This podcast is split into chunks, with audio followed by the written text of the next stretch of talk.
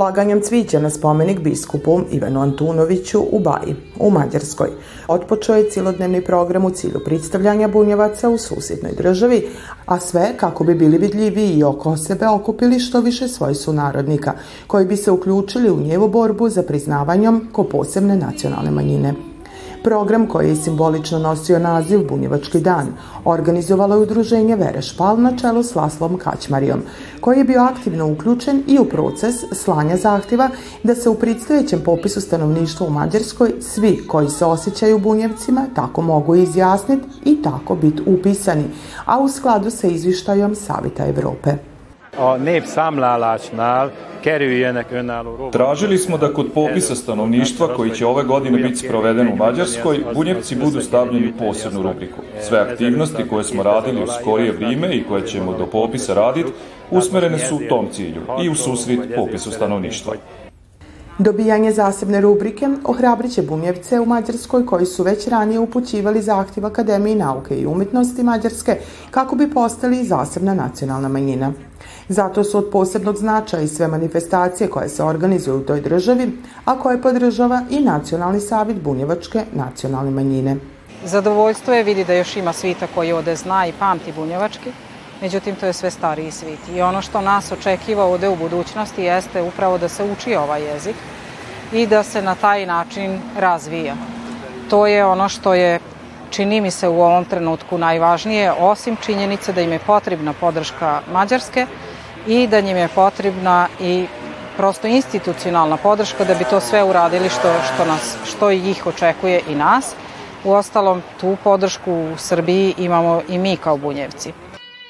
U cilju privazilaženja jezičke barijere, u sklopu programa predstavljen je dokumentarni film titlovan na mađarski pod nazivom Istorija jezika Bačke bunjevaca. Kako se moglo čut, zainteresovanima bi trebalo obezbediti materijal za učenje, ali obratiti pažnju na mlade čije majke i dide još uvijek divane bunjevački i od koje bi oni to mogli naučiti. Mislim da je 5 do 12 kad je u pitanju učenje bunjevačkog jezika u Mađarskoj. Ima još bunjevaca kojima je to materni jezik kojeg su doneli iz kuće, iako su to uglavnom starije generacije. Pomoću ti ljudi i udruženja mogli bi oživiti kulturu, a posebno jezik. Program Ubaji završen je koncertom Duhovni pisama na bunjevačkom jeziku koji je održan u crkvi Svetog Antuna.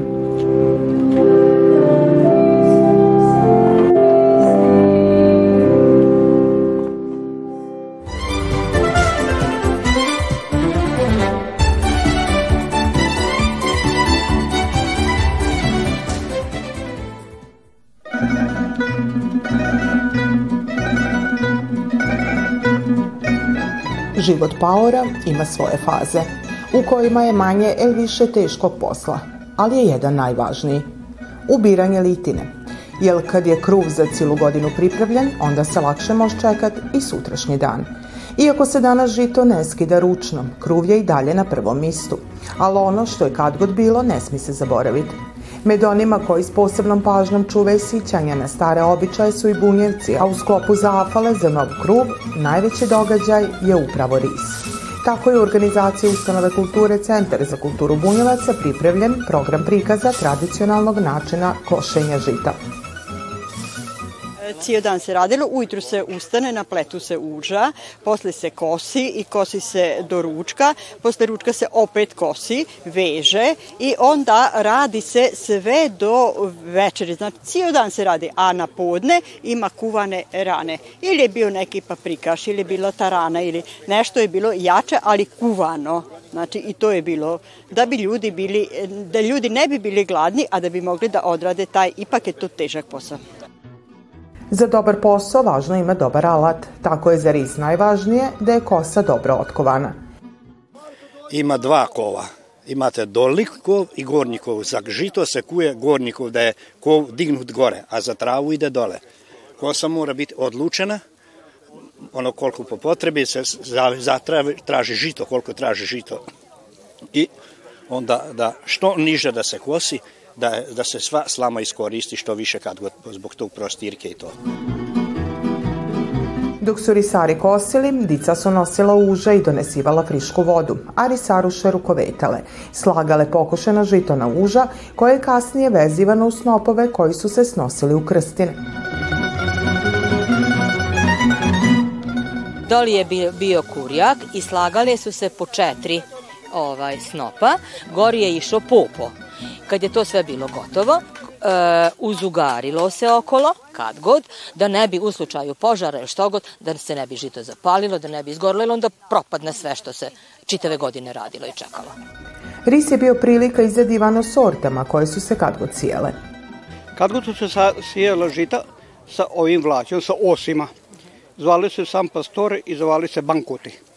E, onda je došlo tam kasnijih godina da su ovo izašle iz mode, onda su došle italijanka žita bez ovih vlasi i onda su i došli kombajn. Znači, polagano se pristalo raditi ovako ručno kao što mi radimo sad. Došli su kombajn i onda... Ovo je malte ne očović u zaboravu. Ali, ali ne znam, ovo, ovo je bolje druženje meni. Meni uh, ovo lipši rad nego s kombajom. Kombajom jedan kombajnira, jedan, jedan vodi traktor, ovo da se i družimo i šalimo i svašta. Tako da, ja volim ovo raditi, lipo mi je. Pa bilo je dosta neravnomerno posle, ono sjelo se ručno, napravila se jedna kesa od džaka, tamo se metilo žito i bacalo se ručno. E sad, ima da je doteklo više, ima da je doteklo manje, ali žita su bilo apsolutno veća. Bilo je dosta stoke, bilo je stanjaka. Znači, torilo se dobro i što sad nije slučaj u zadnjih godina, bilo je ravnomernije raspoređena vlaga, kiša. Znači, sad, sad najde jedan period suše, onda najde par dana, recimo, kiša i to, to nije dobro ni za koju kulturu, ni za žito, ni za kukuruze i da ne kažem dalje. Na čelu risarske bande, ko najiskusniji bio je bandaš. On je dogovarao posao s gazdom i obavištavao ga o urađenom poslu i prinosu. Za svoj rad risarska banda plaćana je užitu. Grgo Pećerić sića se kako se kad god teško zarađivalo.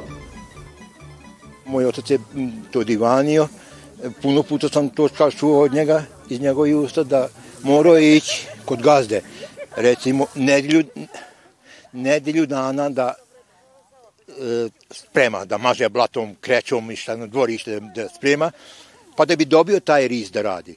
A to je tako bilo i plaćeno škato, mirezno škato. Bilo, male to bilo zarade, onda, ne samo u risu, nego u, u svačuncu bilo onda male zarade škato. Ja znam da on govorio da je znao za 17-20 kila kukuruza čitav dan raditi, zrna kukuruza. Znači, to su bile to je bilo i u žitu, tako skata. Ali u žitu je isto, to nije samo da on pokosi, onda on mora e, biti na vožnji, kad se vrše mora biti na džakovanju, kad on to kad u džakuje, kad vrlo i znači dizao zgor na tavan ili u stare ambare se stisala i mora biti prisutno. Jer to je onda bilo njegovo dužno zato što je dobio na, navodno riz da radi. Kad je i mršavina pokupljena, moglo se krenuti natrag. Prije tog opleo bi se vinac odžita kojeg bi bandaš pridogazdi prilikom podnošenja izvištaja o rodu. Pisari, pisaruše, hvala dragom Bogu, mi smo naš odradili. Bogu hvala. Eto, uspili smo, iako se sprema nevrijeme, mi smo bili brži. Ajmo se polagano domaćinu. Gazdi naše da mi njega izvijestimo šta smo mi uradili na njih, kako smo uradili, po našem da je to dobro urađeno. A sad on... Pa mi smo se trudili. Ajmo polagano. Da, ali ovo te moramo...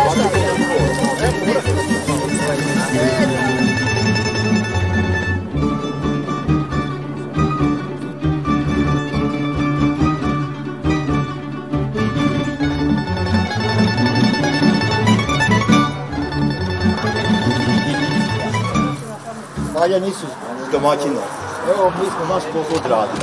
Hvala dragom Bog dozvolilo je vrijeme. E, tu kosili, sadili, povezali, sadili krstine. Pa žito će biti osip. Po samom blatu kako to ne doli, bit će dobro. Hvala dragom Bog, odradili smo. Koliko krstina imate? Ima 68 krsta. Tu 50 kila po krstu bi tribalo. Tribalo bi. To nam je mirilo da koliko imamo krstina, odnosno na krstine možemo izračunati kolika će biti godina. Ili rodna, ili manje rodna. Osrednja će biti ovo. Osrednja. Osrednja godina. Hvala dragom Bogu da se to dovelo do krstina. Hvala vama risarima, risarušama. Hvala dici koji su vam pomogli. Svima vama hvala. Da da Bog da do godine bude još više. U ime Božije. Vidim da ste se lipo okitili. Domaćine.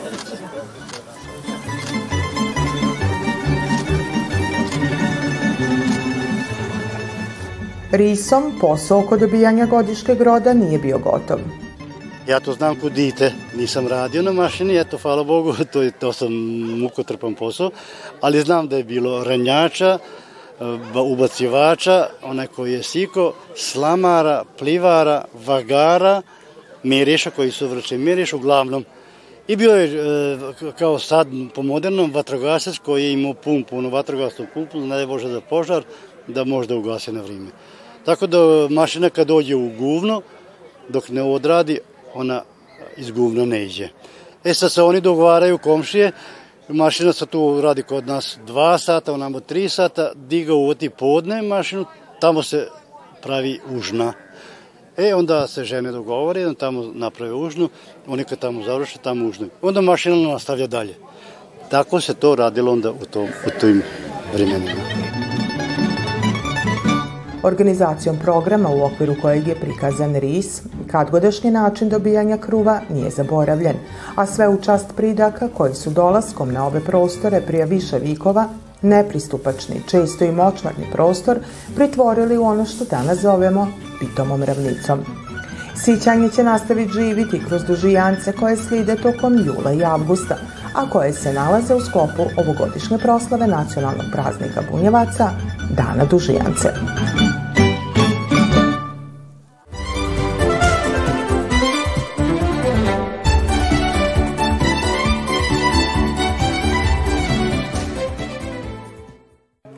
Prvim otkosima zrilog žita započema je i radionice koje žetvenim ostacima daju nov život. Risu Bajmaku je poslužio za prikupljanje materijala koji su vridne ruke pritvorile u vince koji će i ove godine krase dužijancu.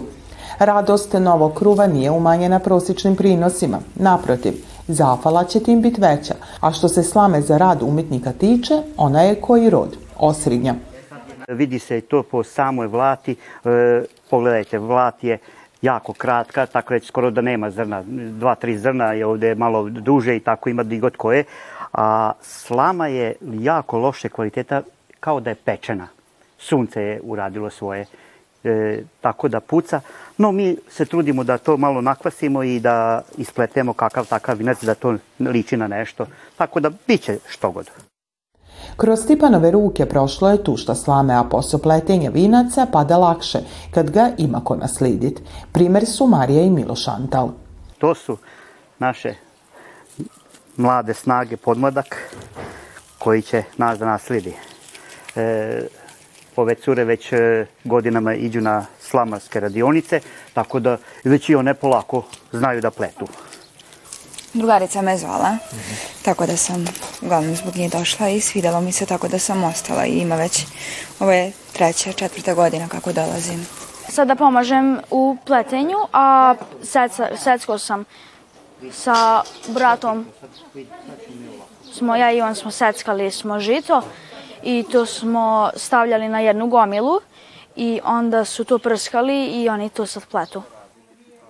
Radionicom pletenja vinaca svoj doprinos obilužavanju nacionalnog praznika Bunjevaca dao je i Bunjevački kulturni centar Bajmak.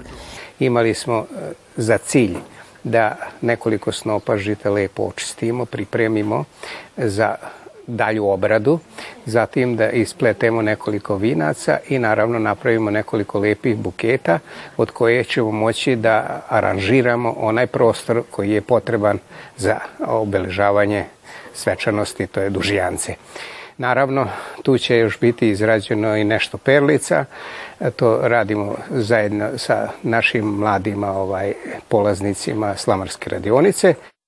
Ovog mjeseca Bunjevački kulturni centar iz Bajmaka započeo je i novu sezonu kreativno-slamarske likovne radionice Zadicu, čije ćemo prve radove uskoro vidjeti i na malim ekranima.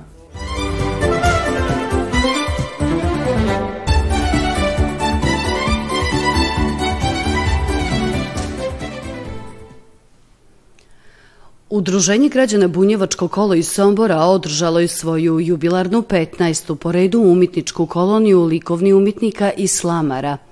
U autentičnom salaškom ambijentu salašu domaćina Ivana Bošnjaka u Gradini svoj likovni izraz na slikarska platna prinelo je dvadesetak slikara i deset slamarskih umetnica bunjevačkog kola. Mi smo se sa tim umetnicima i ranije sreteli jer su bili deo komisija pri pri ocenjivanju ovih naših izložbi, odnosno ovih naših rukotvorena umetničkih radova i, svi, i svega onog čime se bunjevci bave. Da? O, posebno je zadovoljstvo da, da smo i tu prepoznati i ne samo kao umetnici, nego i kao prijatelji, zato su nam došli. Koloniju do sad po broju učesnika najveću činili su slikari iz Sombora, Subotice, Pivnica, Bačke Palanke, Bačkog Jarka, Crvenke, Novog Sada i Kragujevca. Na prvo mesto je mašta najvažnija, mislim toga ima uvek o, to nosim sa sobom, a samo okruženje, toliko slikara, toliko ovaj, to mi daje nekako na, i najviše volje imam za slikanje kad sam u koloniji u društvu, na koloniji u društvu. E, meni je ovo sada treća kolonija uh, u roku od mesec dana. E sad, ovaj, prva ove godine u Bunjevačkom, inače sam prisutna, uh, mogu reći, redovno. Izazov je u bojama, meni barem. Danas sam ovde da od raznih umetnika koji su ovde, da barem od svakog da ponešto naučim. Jer pripremam se za umetničku školu u Subotici uh, i jednostavno hoću barem od svakog da naučim barem nešto. Kolonija kao kolonija podrazumeva skup umetnika. Bilo da se bave likovnim stvaralaštvom ili kao u ovom slučaju kada su se okupile slamarke i likovni stvaralaci. E, mislim da se to negde i dodiruje. Oni slikaju bojama, a mi slikamo slamom. E, iskustvo koje oni nose u sebi negde možda može nama da pomogne kada nižemo boje praveći sliku od slame, da nije sve jednolično i jednoobojno. A svaka ženica to i nosi u sebi koja se bavi slamom. Tako da, pošto na svetu nema ništa isto, priroda nas je podarila bezbroj boja, to je jedna divna lepeza boja, slama nam tu šansu pruža, tako da mislim da susret slamara i slikara ima svoj smisao jako. Posebno drag gost ovogodišnje kolonije je bio i likovni umetnik i kritičar Šandor Kerekeš, dugogodišnji član žirija, brojni zonski i pokrajinski smotri likovni stvaralaca. Pa vidite, slikarstvo je pojedinačna stvar. Mislim da, da, da svaki ovde većinom zrelih, ovaj, već poznatih kolega dolazi koji, koji, koji imaju svoj stil, koji imaju svoj, svoju tehniku, svoj zamisao i, i, i jednostavno radimo po, po intuiciji, unutrašnjoj potrebi. Ja recimo slikam, e, nikad ne planiram unaprijed sliku, e, ja slikam kako, kako osjećam, kako tog trenutka iz mene izviru razne razmišljanja, razni, razni kodirane, razne kodirane misli, doživljaji, impresije i tako dalje. Gospodine Kerekeš, e, naše slamarke su jako volele kada vi ocenjujete njihove radove. E, interesuju me vaše impresije kada je reč o slamarstvu i slamarskim umetnicima bunjevačkog kola. Možete li nam tako što god prineti? Pa vidite, to je poseban zadatak. E, jednostavno, verovatno sam jedan od, od najboljih, ajde da kažem, najviše, najviše, najdublje poznati, ne, poznajem e, slamarstvo e, i slikare, ne samo autore, već same, same, sama dela. Ja sam 15. godine aranžirao, ovaj, žirirao e, na raznim, raznim manifestacijama. E, slikarke su, e, slamarke su posebna kategorija smirenog, e, staloženog, prošmišljenog i, i jedno, jedno, jednog drugog sveta nego što je slikarstvo, drugog sveta nego što je bilo koja e, e, tehnika likovne umetnosti. Mislim i dan danas tvrdim da bi trebalo jedna od akademija da, da, da, da otvori jednu katedru za slamarstvo gde bi, gde bi mogli i mladi, jer ovde samo mladi nasleđuju Umetnički radovi nastali na 15. slamarsko-slikarskoj koloniji biće prikazani na oktobarskoj izložbi umetničke sekcije Bunjevačkog kola, a ovogodišnju likovnu koloniju podržaju grad Sombor te pokrajinski sekretarijat za kulturu, informisanje i odnose s virskim zajednicama.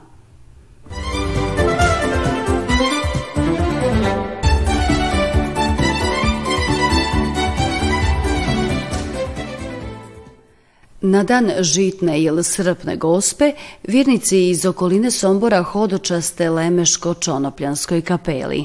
Među ladovinom stolitni topola, pokraj Bunarića iz kojeg teče sveta voda, 1894. godine sazidana je ova, kako literatura biluži, bila kapela – Kapelica koja je preživila iskrnavljenja i pljačkanja nakon 128 godina po prvi put obnovljena je zafaljujući pomoći i virnika, a i pomoći mađarske vlade.